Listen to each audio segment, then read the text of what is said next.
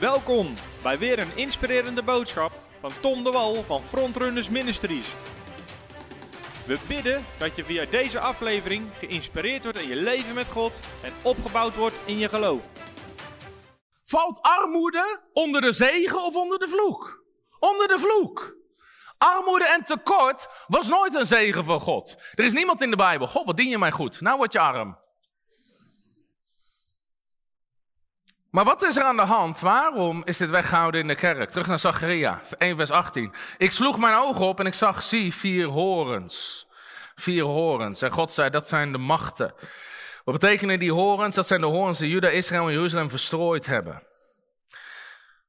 Zacharia ziet een beeld. God zei tegen hem, predik, mijn steden zullen overvloeien van voorspoed. Maar hij zag een beeld en er waren vier horens. Weet je, er zijn machten, geestelijke machten, die de kerk, die de gelovigen arm willen houden. En ook onder het Nieuwe Testament zijn die machten waar de kinderen van God uit moeten breken. Nou, wat ik geloof dat dit de vier machten zijn in de kerk die christenen arm willen houden. De eerste is religie. De eerste is religie. Jezus waarschuwde al, pas op, hoed je voor het zuurdezen van de fariseeërs. Het zuurdezen van religie. Armoede als onderdeel van Gods plan zit niet in de Bijbel, maar wel in religie. Religie wil je arm houden. Religie wil mensen arm houden en controleren. Mensen die tegen voorspoed zijn, zijn vaak ook zo religieus dat je de demonen doorheen hoort spreken. Amen. Hoef je er niet uit te knippen, kan je erin laten. Religie gooit altijd allerlei dingen op met als doel, weet je, om voorspoed te veroordelen. Terwijl we constant zien dat God voorspoed belooft aan zijn kinderen, aan de mensen die hem gehoorzamen en hem dienen. Amen.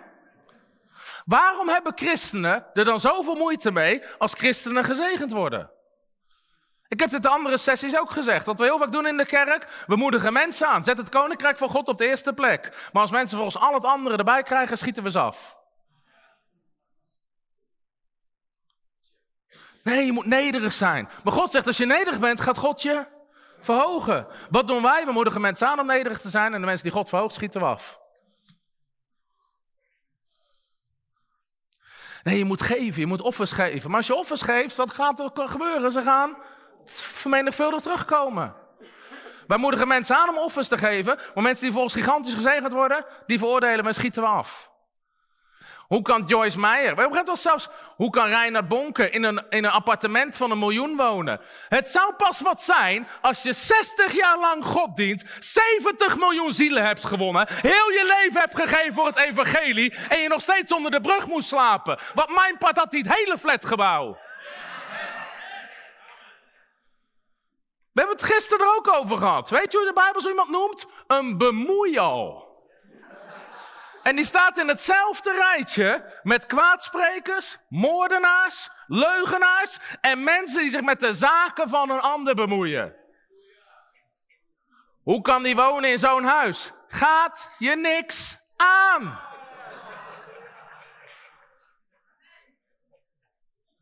Joyce Meyer woont in een huis van een miljoen. Joyce Meyer staat ook niet bij jou op de stoep in wat voor huis jij woont? Ik wou Joyce Meyer nadoen, maar ik denk dat ik dat niet heel goed kan.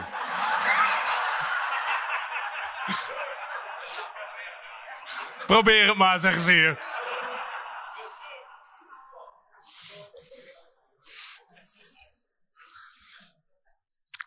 ze kan het huis verkopen en aan de armen geven. Jij kan je huis verkopen en het aan de armen geven.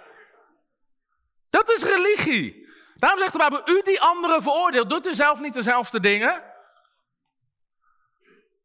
Het is de splinter en de balk. Jezus had geen BMW, had ook geen Fiat. Hij had een boot waar twaalf mensen in konden. Die zijn vandaag de dag nog steeds duurder als een BMW. Hij had ook geen spijkerbroek. Succes met je sandalen aan en je ezel. Allemaal religie. Jezus had nergens om zijn hoofd op te leggen. Mensen halen teksten uit de context. Jezus had, Jezus had wel een eigen huis. Als Jezus geen eigen huis had, hoe kan het dan dat in Johannes 1 iemand vraagt, waar woont u? En Jezus zei, kom mee, ik laat het je zien. Ja, allemaal religie. Jezus had geen huis. Jawel, zijn huis werd wel gesloopt. Die man die door het dak zakte, was in Jezus zijn eigen huis. Daarom zei Jezus dat hij geloof had. Je hebt geloof nodig om het huis van de Zoon van God te slopen. Dan moet je wachten dat hij je geneest.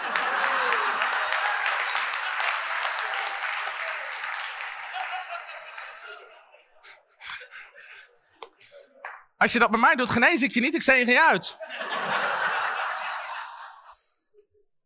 Hoeveel weten dat Jezus arm was? Jezus was niet arm. Als Jezus arm was, waarom had hij dan iemand nodig die zijn geld beheerde? Als je drie euro nodig hebt, heb je niemand anders nodig om het te tillen. Bovendien, Judas was een dief. Hij stal geld en de anderen hebben niks gemerkt. Als je drie euro hebt en er zijn er twee weg, heb hebben de rest erdoor.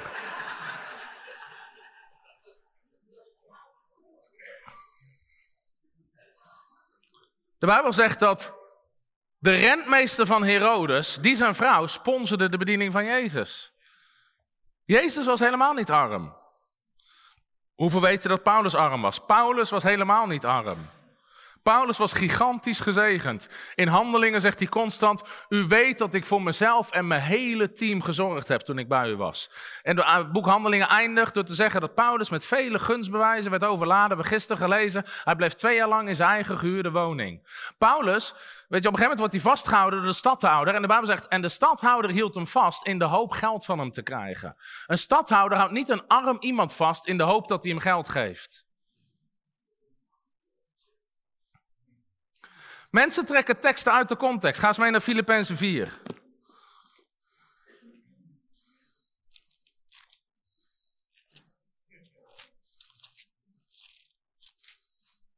Als je hem gevonden hebt, zeg je prijs de Heer. Filippenzen 4. Kijk, mensen citeren altijd halve dingen. Mensen citeren altijd deze tekst. Filippenzen 4, vers 12. Ik weet, of vers 11, niet dat ik dit zeg vanwege gebrek, want ik heb geleerd tevreden zijn in omstandigheden waarin ik verkeer. Ik weet wat het is vernederd te worden. Ik weet ook wat het is om overvloed te hebben. Nou, hoe noemde Paulus het als hij tekort had? Noemde hij vernederd worden. Hij zag het niet als een zegen. Ik weet ook wat het is om overvloed te hebben. In elk opzicht en in alles ben ik ingewijd. Zowel in verzadigd zijn als in honger lijden. Zowel in overvloed hebben als in gebrek lijden. Alle dingen zijn mogelijk door Christus die mij kracht geeft. Maar Paulus was heel vaak onderweg. Soms zat hij in de gevangenis. En weet je, door vervolging. En dan staat er, toch hebt u er goed aan gedaan dat u gedeeld hebt in mijn verdrukking. Paulus zag zijn armoede als verdrukking. Niet als zegen, hij zag het als vervolging. Staat dat er? Ja.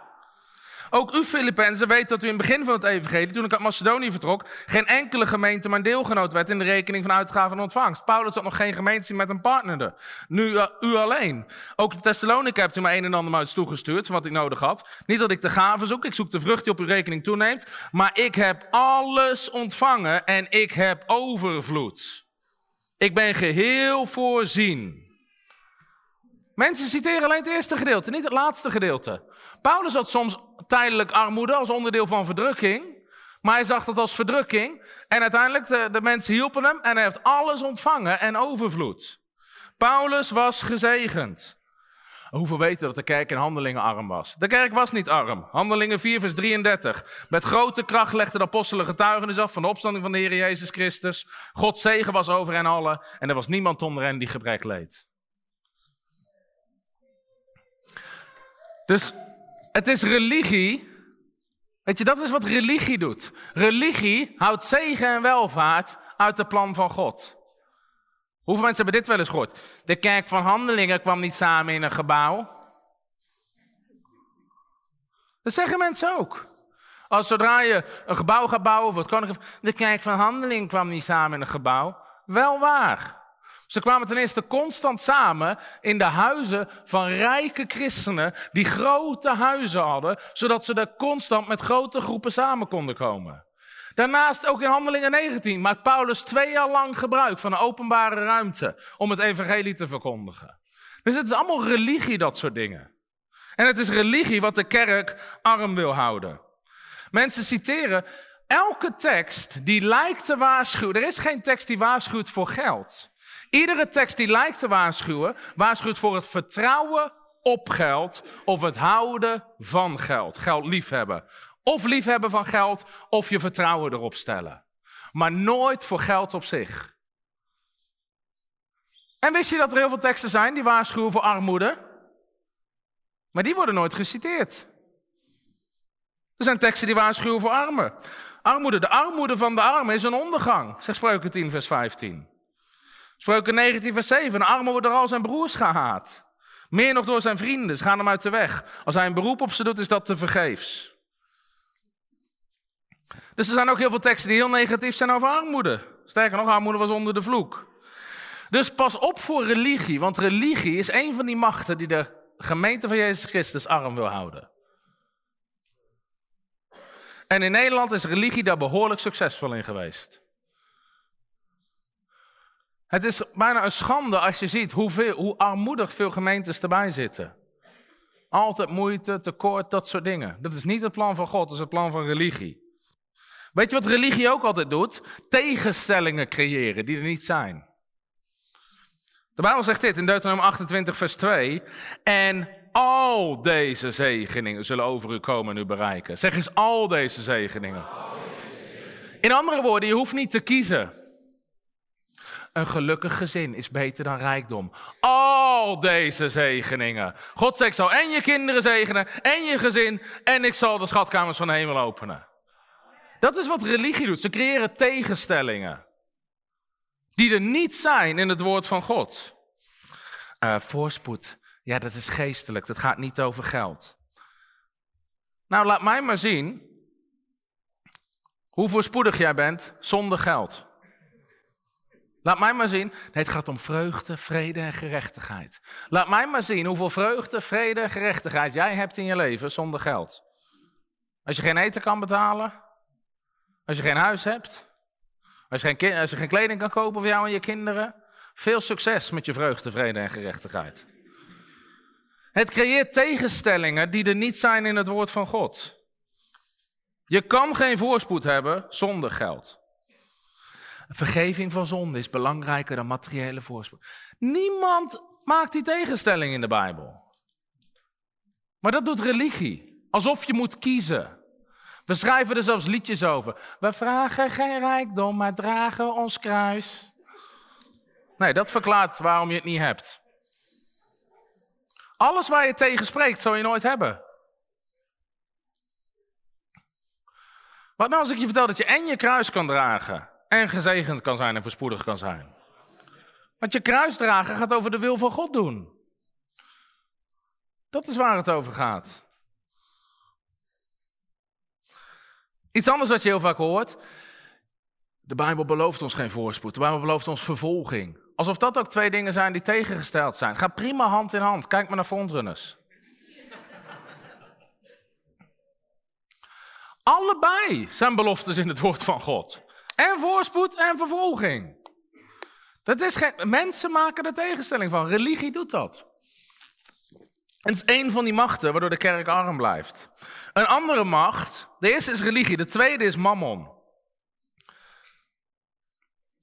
In Lucas 16 daar spreekt Jezus over de mammon. Daar zegt hij, wie trouw is in het minste, is ook in het grote trouw. En wie onrechtvaardig is in het minste, is ook in het grote onrechtvaardig. Daarom slaat het nergens op dat mensen zeggen, uh, ja, later als ik meer geld heb, dan ga ik geven. Nee, wie trouw is in het minste, is trouw met veel. En wie onrechtvaardig is met weinig, is dat ook met uh, veel. Als u dan wat betreft de onrechtvaardige mammon niet trouw bent geweest, wie zal u het ware toevertrouwen? Jezus noemt geld hier onrechtvaardige mammon. Hij zegt, als u daarmee niet trouw bent, wie gaat je dan ooit het ware goed geven? Weet je waarom veel kerken geen kracht van God en Heilige Geest hebben? Omdat ze niet trouw zijn met de onrechtvaardige mammon. Als je al niet kan zeggen wat Gods woord zegt over geld, ga je het ook nooit doen met genezing, bevrijding en de Heilige Geest. De ware goederen zijn de, zijn de, zijn de geestelijke zegen die God wil geven, genezing, bevrijding, al die dingen meer. Maar het begint ook gewoon met trouw zijn in de financiën die God je geeft. Vers 13. Geen huisslaaf kan twee heren dienen, want hij zal of de ene haat en de ander lief hebben, of hij zal zich aan de ene hechten en de ander minachten. U kunt niet God dienen en de mammon. Let op, er staat hier niet, je kan niet God dienen en geld hebben. Dat staat er niet. Dat is weer wat religie zegt. Uh, je kan niet God dienen en geld hebben. Nee, dat staat er niet. Je kan niet God dienen en de mammon dienen. Het gaat erom wie dien jij? Wie is heer over jouw leven? Wie bepaalt wat jij doet? Wie bepaalt hoe jij leeft? Is dat God of is dat mammon? Mammon is niet geld op zich, mammon is de macht achter geld. Hebzucht. Hebzucht. Er zit een geestelijke macht achter geld. En die macht noemt Jezus mammon. En die macht zie je heel erg terug in de kerk in verschillende jasjes. En daarom zie je ook vaak, weet je, er zit echt een demonische macht die de kerk arm wil houden. En de laatste keer dat ik dat zei, zat ook diezelfde journalist en die gaf er heel veel kritiek op. Dus blijkbaar is het nog niet begrepen, dus ga ik nog een keer preken. Er is een demonische macht die de kerk arm wil houden. Daarom zei ik, en in die preek zei ik, het is gewoon, je ziet het aan hoe allergisch mensen reageren zodra het gaat over geld in de kerk. In heel veel kerken komt er bijna een demonische reactie. Mensen worden stil, gaan met hun armen over elkaar zitten. Mensen lopen weg, mensen gaan naar de wc. In sommige kerken, zodra je gaat preken over geld, lopen mensen gewoon weg. En mensen hebben in één keer allemaal kritiek.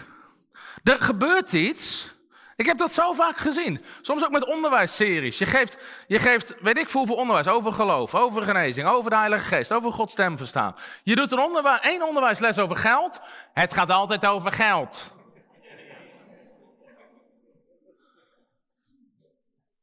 Iemand schreef in een, in een artikel: Frontrunner spreekt alleen maar over tiende. We hebben 565 video's online staan. Er gaan er twee over tiende. Dat is 0,3 procent. Een wonder. Het is maar goed dat je dominee bent geworden en niet uh, les geeft op een middelbare school, want daar ben je te dom voor.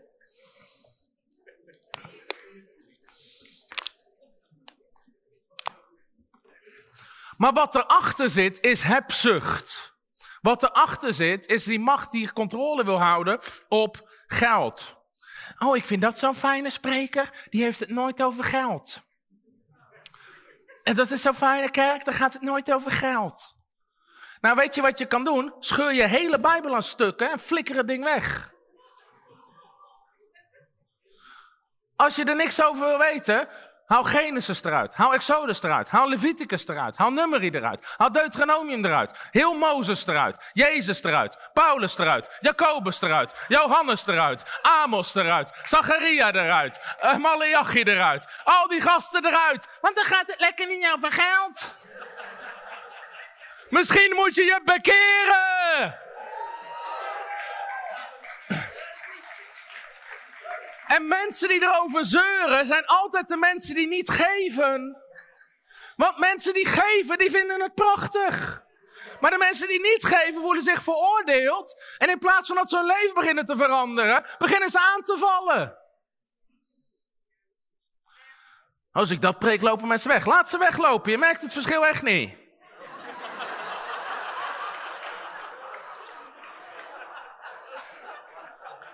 Soms hebben ook mensen, Oh, als je dat preekt, stop ik met geven. Zonder jou 5 euro per maand redden we het ook.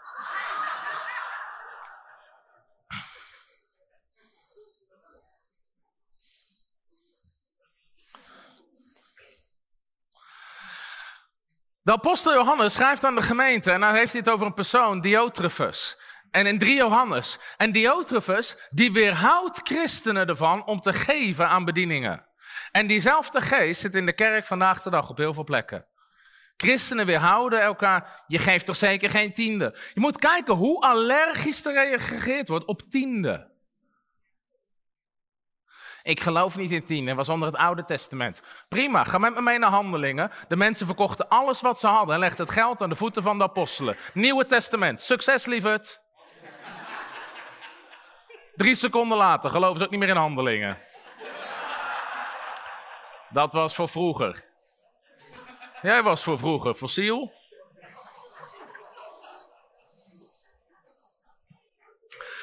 Kijk hoe vijandig. Dat was het ironische. Die hele reactie de laatste tijd op frontrunners was een bewijs van wat ik zei.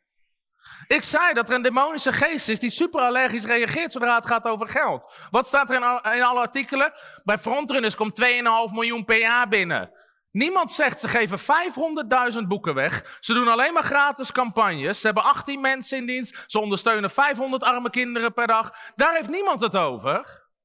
En het zijn christenen.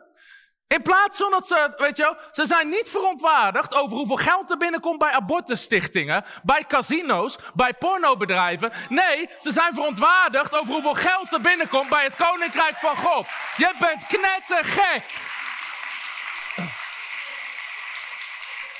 Als je boos bent dat er geld aan het Koninkrijk van God gegeven wordt, heb je bevrijding nodig.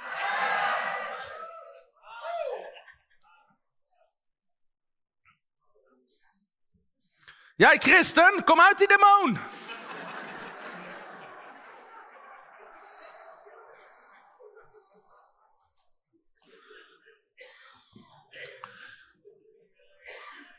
Maar het is mammon, het is de wereldse blik op geld. Dit is interessant. Het koninkrijk van God. Kijk, geloof zou je kunnen zeggen is een valuta. Weet je, geloof doet iets, geloof verandert iets. Net zoals de zegengunst, je kan met geloof, je, geloof zorgt ervoor dat voorziening komt. Maar mensen die wereldsgezind zijn, die kennen maar één betaalmiddel, dat is geld. Dus zij linken vanuit hun eigen bril, denken ze dat mensen alles doen voor geld. Omdat ze zelf zo denken. Frontrunners doet alles voor geld. Lees er hier alles over. Volgens moet je betalen om het artikel te lezen. Koekoek!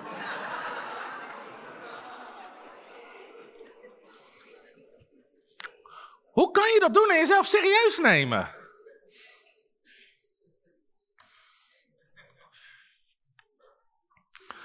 En daarom is juist vrijgevigheid is zo belangrijk. Het zorgt ervoor dat geld nooit in je hart komt, maar altijd in je hand blijft. Het maakt niet uit wat je hebt, zolang het jou niet heeft. Zolang je het los kan laten als God het zegt. Zoals God zegt, geef. Soms vraagt God om grote bedragen te geven. Soms denk je gewoon, auw. Daarom zegt de Bijbel, je met tranen zaaien. Soms vraagt God dingen dat je met tranen moet zaaien of loslaten. Maar het maakt niet uit wat God je geeft, zolang je het los kan laten. Zodra je het niet meer los kan laten, dan wordt het gevaarlijk. En dan zit je buiten het gebied van mammon. Dan heb jij geld niet, maar geld heeft jou. Maar ook mammon is een is een macht die in de kerk de wereldse blik op geld en de wereldse manier van omgaan met geld houdt de kerk arm.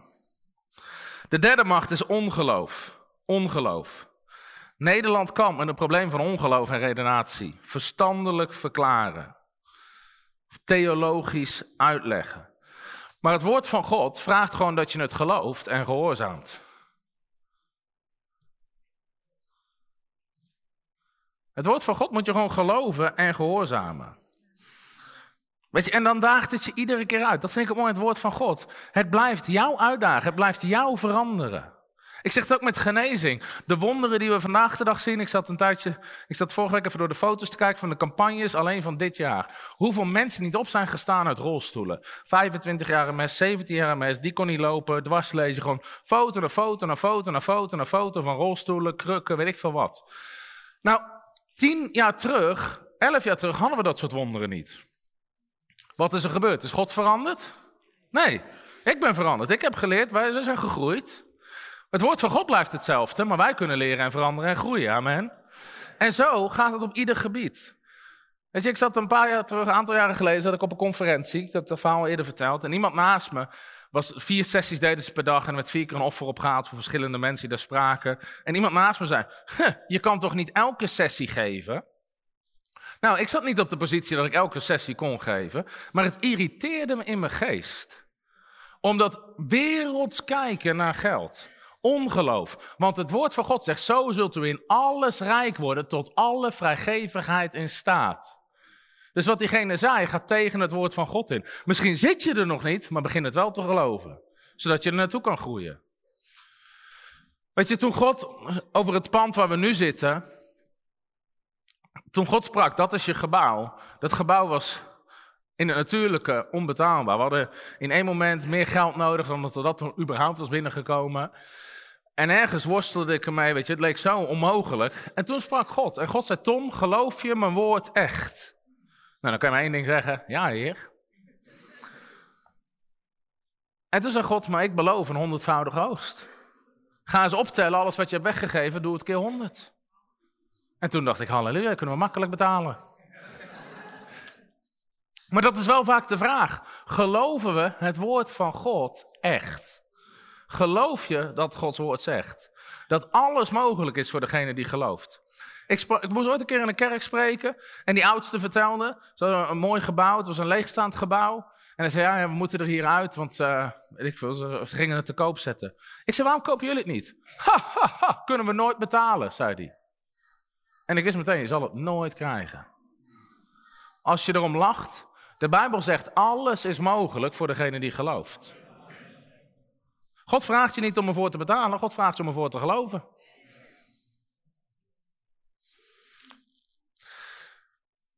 Dus een geloof daagt je iedere keer verder uit. De belofte, je zal uitsluitend uitlenen en niet hoeven te lenen. Daar zit je nu misschien niet, maar dat betekent niet dat je er niet kan komen, want die zegen is ook voor jou. Alleen je gaat gewoon ontdekken hoe je er gaat komen. Toen het gebouw wat we gekocht hebben, dus we zijn nu nog mee bezig om dat, te slopen, nieuw te bouwen. Ik geloofde in het woord van God, zie ik die belofte. Je zal uitsluitend uitlenen, niet hoeven te lenen. Dus een zei ik, oké, heer, we gaan het schuldenvrij doen. Nou, toen ik dat besluit maakte, dacht ik dat het zou gaan om anderhalf miljoen. Nu zijn we erachter dat het meer dan 8 miljoen kost. Want inmiddels kwam, er kwam een stuk grond bij, daarvan heb ik verteld. En we moeten nieuw bouwen we gaan en we gaan heel groot bouwen. Maar in ieder geval, voor mij was dat best wel een struggle. Want ten eerste kende ik niemand in Nederland die schuldenvrij iets had gekocht voor het Koninkrijk van God. En dus je hebt weinig voorbeelden, je hebt weinig mensen waarmee je kan sparren. Maar ik zie het wel in het woord van God. En nu kies ik er gewoon voor om het te geloven. Dus de eerste keer dat we er gingen kijken, hadden we amper genoeg geld om er naar te kijken. En toen dacht ik dat het zou gaan om anderhalf miljoen. En we hadden 200.000 euro. Dat klinkt veel, maar dat is niet veel. Als je veel mensen in dienst hebt, je moet constant tienduizenden boeken drukken. Dus we gingen er kijken en ik wist, dit is mijn gebouw. Dit is ons gebouw. Dus ik kwam terug op kantoor en meteen, ik zei, heer, ik ga u geloven om het schuldenvrij te doen. Ik heb geen idee hoe. We hebben alleen voor dit stuk al 1,3 miljoen nodig. En ik kom terug op kantoor en onze office manager zegt, hey, kijk eens naar dit mailtje. En dat was gewoon een random mailtje van iemand die we niet kennen. Hoi, op welke rekening mag ik 50.000 euro overmaken? Dus wij, we hebben wel vaker mensen die ons geld beloven. Dat is iets anders dan het krijgen. en zij stuurde terug, doe maar op dit rekeningnummer. Tien minuten later, boem, geld was er. Een paar dagen later, iemand anders. Hoi, ik wil graag 50.000 euro geven. Ook iemand die we, geen idee wie. Boem, maakt 50.000 euro over. Weer een tijd later, iemand anders. Boem, maakt 50.000 euro over. Toen dacht ik, mijn geloof blijft hangen op 50.000 euro. Dus ik ging mijn geloof stretchen. Inmiddels kwamen we erachter, we moeten het pand moeten we slopen en nieuw bouwen. Dus het ging om een stuk meer geld. En op een gegeven moment, weet je, op een gegeven moment kwam er een gift van 100.000 euro. Toen dacht ik, ik ga dit keer niet drie keer wachten voordat ik mijn geloof stretch. Ik zei, en toen op een gegeven moment hadden we 300.000 euro nodig in een week. En ik zei, heer, ik geloof u 300.000 euro deze week. En die week kwam er 400.000 euro binnen. Eén iemand gaf 300.000 euro en de rest werd er die week nog 100.000 euro gegeven. Dat is de God die we dienen. Amen. Ja, geef God eens applaus.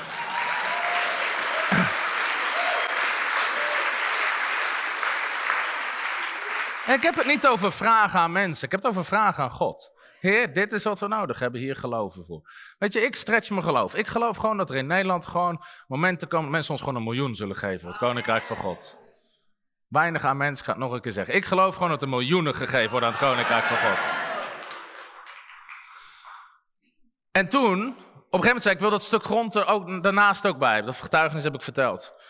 Maar die ieder zei, ja, dat is niet te kopen. En uiteindelijk kwam het wel te kopen en wij hebben het gekocht. En op hadden we het eerste deel schuldenvrij gekocht. Toen wilden we de grond schuldenvrij kopen. Op een gegeven moment ook daar hadden we 480.000 euro nodig in één week. Toen deden we een week conferentie. We hadden een revival week. En ik zei, deze week moeten 480.000 euro binnenkomen. Aan het eind van de week was er 420.000 euro binnen. 60.000 euro tekort. Maar iemand had op een machtigingskaart geschreven: Ik geef een goudstaaf. En alleen degene die het offer geteld had, dacht: Ja, wat is dit nou weer aan de kant gelegd? En dus die maandag krijgen we een mailtje van iemand. En die zegt: Hoi, ik wil graag die goudstaaf komen brengen. En misschien kunnen we de foto ook. Dit is gewoon een, is gewoon een getuigenis van de God die we dienen. Dus ik dacht, wat moeten we nou met een goudstaaf? Ik geloof wel in voorspoed, maar ik was niet van plan om het met goudstaven te bouwen. En dus ik zei, nou weet je wat je doet? Verkoop het maar. En we hadden 60.000 euro nodig, maar de goudprijs stond onder de 60.000 euro. Die persoon had een goudstaaf van een kilo. De goudprijs stond onder de 60.000 euro. Die persoon ging die dag die goudstaaf verkopen. Die dag schiet de goudprijs, boem, boven de 60.000 euro. En dezelfde tijd schiet hij weer naar beneden, onder. Sinds die dag is de goudprijs niet meer hierop geweest. God heeft gewoon een engel gestuurd die de goudprijs omhoog heeft geschopt. Dat is de God die wij dienen. Hij is Jehovah Jireh, El Shaddai. Halleluja.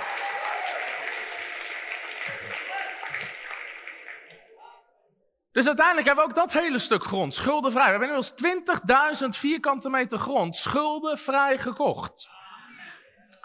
Nou, inmiddels zit daar al een paar miljoen in. Inmiddels, en uiteindelijk het bouwproject gaat ergens over 8, 8, 8 miljoen heen. En we zitten nu in alle voorbereidingen, bouwprijzen stijgen natuurlijk. Maar we, weet je, toen ik hiermee begon, leek het totaal onmogelijk. En in, natuurlijk is het nog steeds sommige voorgangsvragen. Hoe doe je dat? Geloof. Kan er niks anders van maken. Kan geen slimme trucjes geven. Alleen geloof. Het is totaal onmogelijk in het natuurlijke. Maar we dienen geen natuurlijke God. We dienen Jehovah Jireh, de Heer die voorziet. Waar gaat de andere 4,5 miljoen vandaan komen? Geen idee, maar hij komt wel. Want we dienen de God die voorziet. Maar dit soort dingen zijn door de wereld niet te begrijpen. Dus het enige wat de wereld doet is het bekritiseren. Maar mijn punt is, dingen die ik wel zag in het woord van God, maar wat niet mijn eigen ervaring was, ik ben er gewoon op gaan staan, zodat het mijn ervaring zou worden. Dwars tegen alles in. Terwijl iedereen je gek verklaart, terwijl iedereen zegt dat kan niet. Is het tijd om te zeggen dat kan wel, want God belooft het. Zeg eens, die zegen is ook voor mij. Ik weet niet hoeveel mensen in geloof staan om schuldenvrij panden te kopen, om schuldenvrij huizen te kopen, maar die zegen is ook voor jou in de naam van de Heer Jezus Christus. Nou, ongeloof. Ongeloof. En we moeten dus gewoon ervoor kiezen om God te gaan geloven. God vroeg mij, Tom, geloof je mijn woord echt? Weet je, lieve mensen, we zouden, daarom zei God tegen Zacharia, predik verder. Mijn steden zullen weer overvloeien van voorspoed. De gemeente moet weer gaan geloven in overvloeiende voorspoed. Lieve mensen, het zou makkelijk moeten zijn om miljoenen op te halen voor het koninkrijk van God. Eigenlijk zouden we met een groep zoals we hier zitten, zouden gewoon in een offer al meerdere miljoenen kunnen binnenkomen. Als je met 600 man of 1000 man in een zaal zit, als iedereen 1000 euro geeft, heb je al een miljoen. Laat staan als iedereen 4000 of 5000 of 7000. En je moet op het punt komen waarbij dat makkelijk kan. Maar vier mens, nog een keer. Kom op, je moet gewoon op een punt komen dat je denkt, ach wacht, ik geef ook 50.000 euro. En dat je het niet eens merkt in Jezus' naam. Kom op, het zou makkelijk moeten zijn. Laten we eerlijk zijn. Het zou toch eigenlijk zo moeten zijn? Oh, we hebben een gebouw nodig van 8 miljoen. We zitten hier met uh, eh, 1000 mensen, 8000 euro de man. Oké, okay, boom, volgende. In één dienst zou je dat soort dingen moeten kunnen regelen. En ik profiteer dat dat gaat gebeuren in Nederland in de naam van de Heer Jezus Christus. En weet je wat het is? Het gebeurt al massaal, alleen niet binnen de charismatische en de pinksterkringen. Als je kijkt naar de zware kerken, zwaar gereformeerde kerken, één collecte en ze betalen een heel nieuw pand. Ik ken kerken in de buurt waar op zondagochtend wordt aangekondigd. We moeten een nieuw gebouw bouwen. Vanavond is de collecte. Dezelfde avond is het hele bedrag binnen. Dit is geen grap. Dit, is, dit is geen grap. Er zijn traditionele kerken bij ons in het dorp waar op dankdag Brinks de collectes op komt halen. Waar ze de zakken geld, de Brinkswagen, in moeten gooien. Omdat er zoveel geofferd... Dit is geen grap. Sommige mensen zeggen, ja, misschien is het zwart geld. Is het geheiligd en gegeven aan het koninkrijk van God?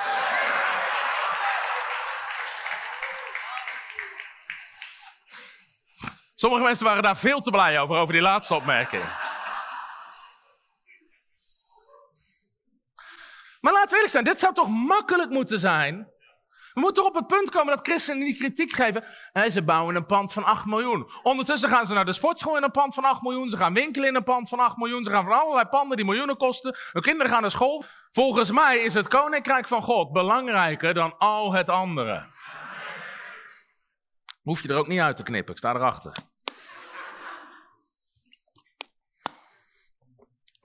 Weet je, lieve mensen, we moeten gewoon weer gaan geloven wat God zegt. Dat als de dingen makkelijk worden.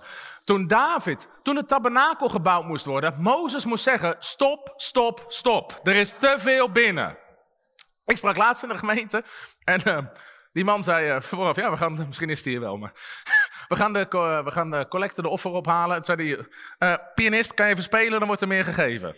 Dus Arjan was erbij, dus die, die vrouw begint. Zegt hij: stop maar, er is genoeg binnen. Heerlijk.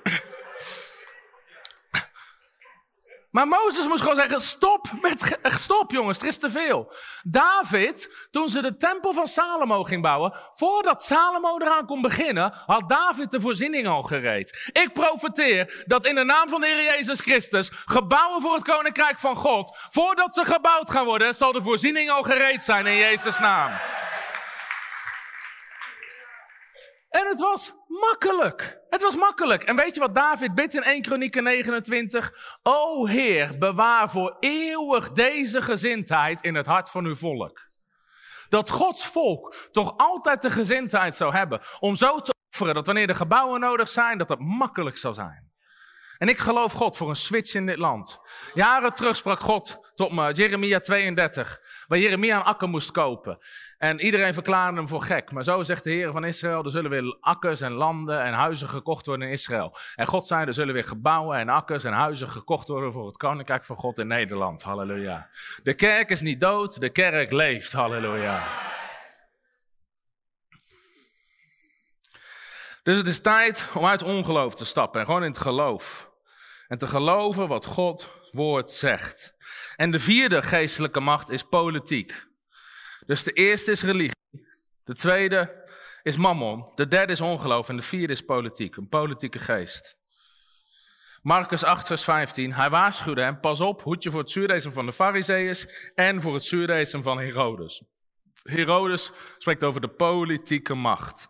Een politieke, wereldse geest die de kerk probeert binnen te komen. En sterker nog, die de kerk al lang binnengekomen is. Veel kerken zijn meer bezig met people pleasing dan God pleasing. Veel kerken en veel christenen kiezen met alle maatschappelijke thema's de kant van de duivel in plaats van de kant van God, omdat ze bang zijn voor kritiek. Het is een politieke geest. Mensen die zeggen, uh, je moet geen uh, voorspoed, voorspoed maar voorziening. Is een politieke geest. De enige reden dat ze het doen, is dat ze bang zijn voor de reacties van de mensen. Je wil niet weten hoe vaak we voorgangers of sprekers zeggen: ja, ik geloof wel wat jij gelooft, maar als ik het spreek, dan, uh, nee, dan raak ik te veel mensen kwijt. Ze durven het niet te zeggen. En daarom is God op dit moment mannen en vrouwen een kerk aan het oprichten. Waar gewoon het woord van God gesproken wordt. En die kerken lopen vol. Want mensen zijn op zoek naar de waarheid en de waarheid zet ze vrij. Amen. En daarom zijn we blij voor dat soort kerken die in dit land opstaan. Waar gewoon het woord van God gepreekt wordt zoals het is. Een politieke geest. Doe maar normaal, dan doe je al gek genoeg. Politieke geest. Christenen die de kant kiezen van de wereld. Weet je wat christenen aan de lopende band reageren op? Getuigenissen van wonderen. Mensen zeggen, ik kan niet lopen, nu kan ik lopen. Iemand zegt, ik kon niet dit, ik kon niet dat, en nu kan ik het. Weet je, weet je wat christenen vragen? Kan een arts dit bevestigen? Anders geloof ik het niet. Je hebt geen arts nodig, je hebt twee ogen nodig om te kunnen zien dat iemand die eerst in een rolstoel zat, nu kan lopen. Als een arts het niet bevestigt, geloof ik het niet. Nee, dat is je probleem. En Jezus stuurde mensen ook naar de priester. Ja, naar de priester, niet naar de arts. En het was alleen bij mijn laatsheid om een offer te brengen wat moest volgens de wet. Oh, ja, oh. Plus, politieke geest. Zoeken naar macht, positie en controle binnen het Babylonische systeem. Vertrouwen op het wereldse systeem. Kerk en bedieningen die meteen als eerste coronasteun aanvragen van de overheid. Je hebt Mark Rutte niet nodig om je bediening te financieren. Je hebt Hugo de Jonge niet nodig om je bediening te financieren. Je hebt het geld van de wereld niet nodig om het Koninkrijk van God te financieren. Daarom in Nederland hebben we scheiding tussen kerk en staat, wat vooral betekent dat de kerk zich niet met de staat mag bemoeien, maar de staat wel met de kerk.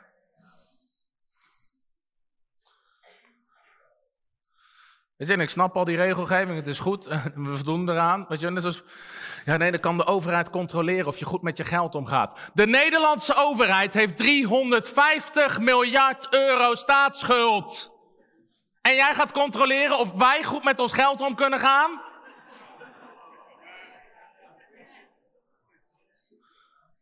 Maar het goede nieuws is, Zacharia, vervolgens liet de Heer vier smeden zien. Halleluja. En die zijn die machten gaan verbrijzeld worden. En ik geloof dat God dat gaat doen in deze, in deze tijd. Ga nog één keer naar het boek Zacharia.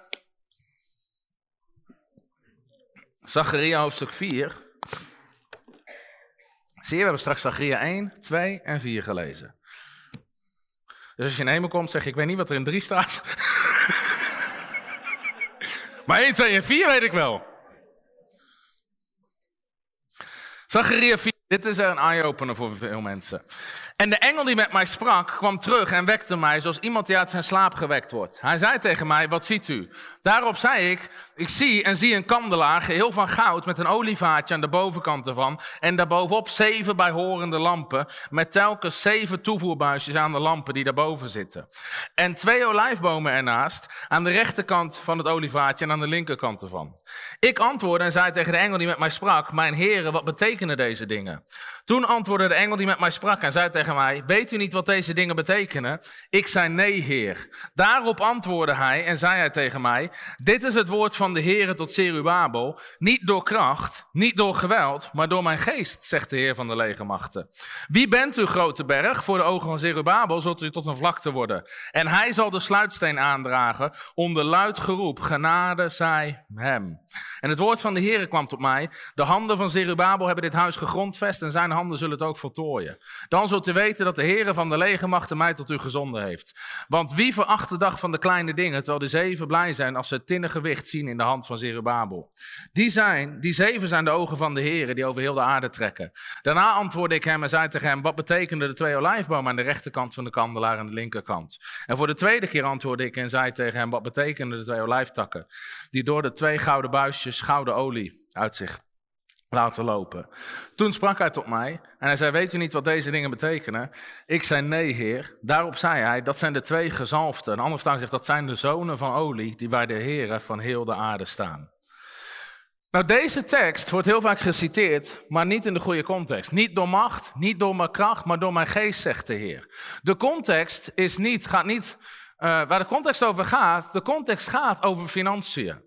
Jozua en Zerubabel, die hadden de opdracht gekregen om het huis van God te herbouwen. Ze moesten de tempel van God gaan herbouwen, net zoals wij een opdracht hebben om het huis van God te bouwen. Maar in Haggai kan je lezen dat toen iedereen terugkwam uit ballingschap in uh, in Israël, dat in plaats van het huis van God te bouwen, begon iedereen heel hard aan zijn eigen huis te bouwen. Dus iedereen, nieuwe keuken, nieuwe badkamer, nog een nieuwe auto, ja, nog een fiets erbij, elektrische fiets, scootertje, lekker, hondje, hond met een jas aan. Is Wendy er? Een collega bij ons op kantoor, Wendy, heeft een hond met een jas aan. Dat is hetzelfde als een goudvis met een, met een, met een zwembril.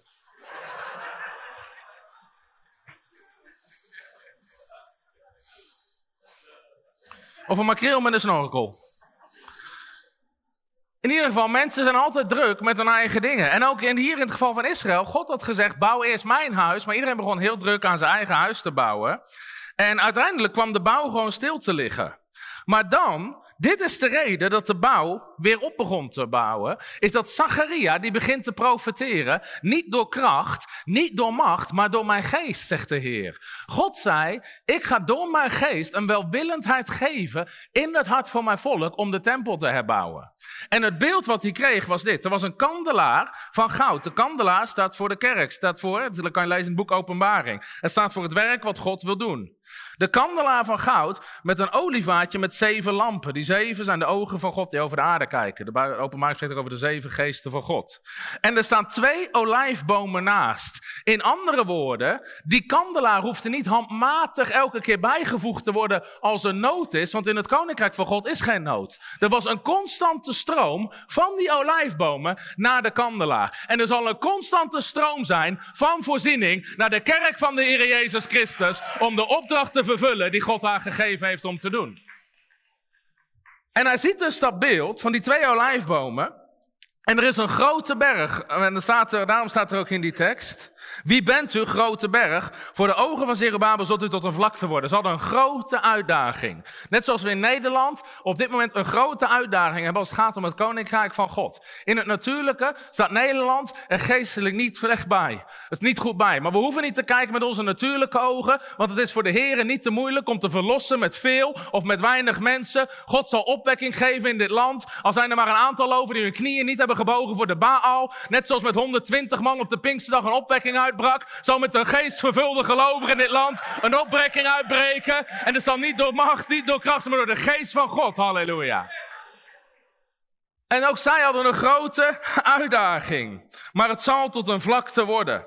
En dan zegt hij, veracht niet de dag van de kleine dingen. Kijk niet naar hoe klein het nu is, want uiteindelijk zal je de sluitsteen, je zal de laatste steen leggen. Niet door macht, niet door kracht, maar door mijn geest. En dan vraagt hij, wie zijn die twee olijfbomen? En dan staat er, dit zijn de twee gezalfden, Jozua en Zerubabel. Het waren de gezalfde bedieningen. En het goede nieuws is, onder het nieuwe verbond, toen had je een aantal gezalfde leiders, maar onder het nieuwe verbond zijn we allemaal gezalfd met de Heilige Geest. En er is een constante stroom, er is een zalving van God voor vermogen. De Heere geeft u kracht dat is ook het woord kracht. God geeft je de power, God geeft je kracht om welvaart te genereren. En er is een constante bron, een constante bron. En hij vraagt, wie zijn dat? Een andere vertaling zegt, dit zijn de zonen van olie. Dit zijn mensen die ik gezalfd heb voor mijn koninkrijk, om het koninkrijk van God te bouwen. En ik profeteer in de naam van de Heer Jezus Christus, dat God in dit land mensen gaat salven om zijn koninkrijk te bouwen. En dat er nooit tekort zal zijn. Er zal een constante stroom van olie zijn naar het werk van God en naar jou toe in Jezus' naam. Dat is waar het over spreekt. Er is een salving voor voorziening. Niet door macht, niet door kracht, maar door de geest van God. En ik geloof ook dat de geest van God weer een welwillendheid op gaat wekken in dit land. En we zien het gebeuren van vrijgevigheid. Waardoor er gewoon nog veel meer miljoenen het koninkrijk van God in gaan komen. Dat er gewoon gebouw na gebouw cash gekocht kan worden. Dat boeken per miljoenen gedrukt kan worden. Er is een grote opdracht te vervullen, maar Gods grote voorziening is ervoor beschikbaar. Amen. En dat is juist wat God wil doen. Daarom zegt Psalm 110: Uw volk is zeer gewillig op de dag van uw kracht. Halleluja. Dus lieve mensen, dit is wat Zacharia over profeteerde. Hij profeteerde. Predik verder, zo zegt de Heer. Opnieuw zullen mijn steden overvloeien van voorspoed. En ook in Nederland en de plekken waar wij wonen, zullen de steden, zullen de plekken van het Koninkrijk van God weer overvloeien met voorspoed. God zalft zijn kinderen om in voorspoed te wandelen. Het is tijd om te gaan wandelen in de voorspoed en de overvloed die God heeft voor zijn volk. Amen. God heeft, Galaten 4, vers, 3 vers 14, door Jezus Christus de heidenen gezegend met dezelfde zegen die aan Abraham beloofde. En het is een zegen van overvloedige voorspoed. De Heere zal u zijn rijke overvloed schenken in alles. De Heere zal u overvloedige voorspoed geven. De Heer zal u een overvloed aan voorspoed geven. Jullie zullen niet arm en zwak zijn, maar rijk en sterk. Halleluja. Dat is het plan van God voor ons in deze tijd. Dus de eerste volgende keer dat mensen jou vragen, geloof je in voorspoed? Zeg je nee. Ik geloof in een overvloed aan voorspoed. Halleluja. Zijn mensen er enthousiast over? Geef God het grootste applaus wat je hem gegeven hebt in de naam van de Heer Jezus Christus. Dank u dat u laat komen wat ik vraag. Alles wat ik doe zal gelukken. De Heer zal mij meer en meer zegenen. In mijn huis zal grote rijkdom zijn. Ik zal God dienen. Leven tot in lengte van dagen.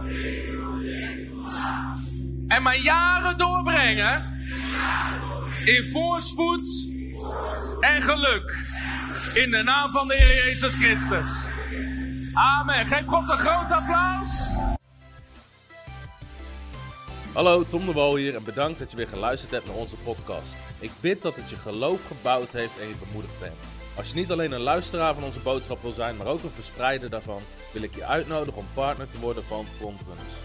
Door jouw maandelijkse donatie help je ons om dit evangelie van Jezus Christus en het woord van God over heel de aarde te brengen. Om partner te worden, ga naar www.frontrunnersministries.nl slash partners en word partner. Hartelijk bedankt en tot snel. Heb je ook zo genoten van deze inspirerende boodschap van Tom de Wal?